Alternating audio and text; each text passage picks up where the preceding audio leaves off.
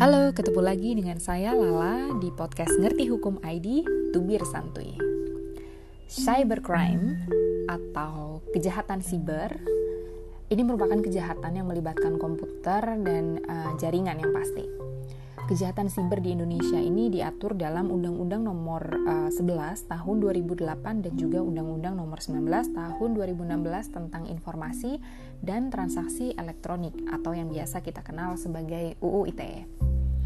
Kejahatan siber ini dapat mengancam seseorang, keamanan negara, atau kesehatan finansial, dan bahkan juga menjadi salah satu jenis kejahatan yang mengalami peningkatan cukup tinggi di masa pandemi ini. Modus-modus yang kerap dilakukan adalah uh, pencurian data dan juga pembobolan rekening. Nah, agar bisa lebih berhati-hati dan terhindar dari kejahatan siber ini, pada podcast kali ini saya akan mengajak berkenalan dengan uh, motif-motif dari kejahatan siber ini sendiri. Yang pertama, kejahatan siber sebagai tindak kejahatan murni jadi di mana orang melakukan kejahatan ini melakukannya secara disengaja, di mana orang tersebut uh, secara sengaja dan juga terencana melakukan perusakan, pencurian, tindakan anarkis uh, terhadap suatu sistem informasi atau sistem komputer.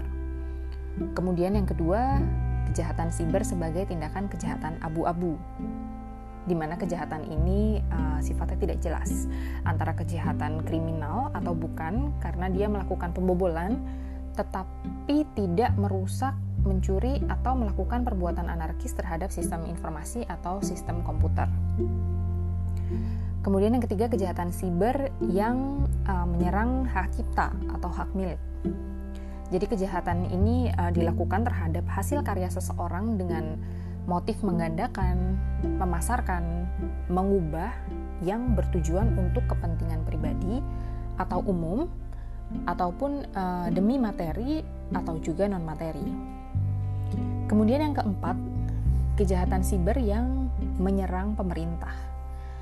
Kejahatan yang dilakukan dengan uh, menjadikan pemerintah sebagai objek dengan motif melakukan teror, membajak, ataupun merusak keamanan suatu pemerintahan yang bertujuan untuk mengacaukan sistem pemerintahan atau bahkan menghancurkan suatu negara. Kemudian yang terakhir, kejahatan siber yang menyerang individu. Jadi kejahatan yang dilakukan uh, terhadap orang lain dengan motif dendam atau iseng yang bertujuan untuk merusak nama baik, mencoba ataupun mempermainkan seseorang untuk mendapatkan kepuasan pribadi. Contohnya pornografi, cyberstalking, dan lain sebagainya. Mengingat kejahatan siber yang semakin meningkat jumlahnya di Indonesia ini, kita uh, tentu butuh ya beberapa langkah pencegahan juga agar seluruh data-data penting yang kita miliki itu bisa terlindungi dengan aman. Nah, cara-cara uh, ini mungkin bisa dicoba ya sebagai bentuk usaha mencegah kejahatan siber. Yang pertama, berpikir layaknya hacker. Jika perangkat Anda diretas oleh hacker, maka langkah pertama yang harus Anda lakukan adalah dengan berpikir layaknya hacker yang ingin meretas perangkat Anda. Hal ini diperlukan untuk mengetahui tindakan seperti apa yang perlu dilakukan untuk mengamankan sistem. Kemudian yang kedua, memperkuat sistem keamanan website dan mematuhi peraturan yang berlaku.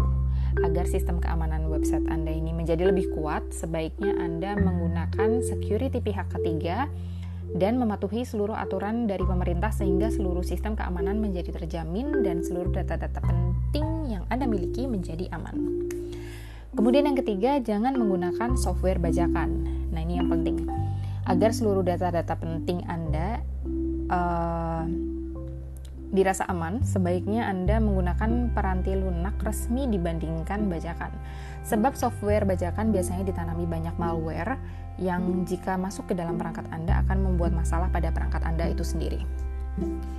Kemudian uh, yang terakhir adalah rajin mengganti kata sandi. Untuk terus menjaga data-data penting klien dan juga perusahaan Anda, uh, langkah yang dapat dilakukan adalah dengan rajin mengganti kata sandi pada akun-akun penting Anda secara berkala. Sangat direkomendasikan dalam membuat kata sandi dengan mengkombinasikan antara karakter huruf, angka, dan juga simbol sehingga tidak mudah ditebak ataupun diretas. Nah, demikian podcast kali ini. Semoga bermanfaat bagi Anda. Jangan lupa kunjungi kami di website ngertihukum.id dan juga ikuti kami di media sosial Twitter, fanpage, TikTok, YouTube di Ngerti Hukum ID. Terima kasih.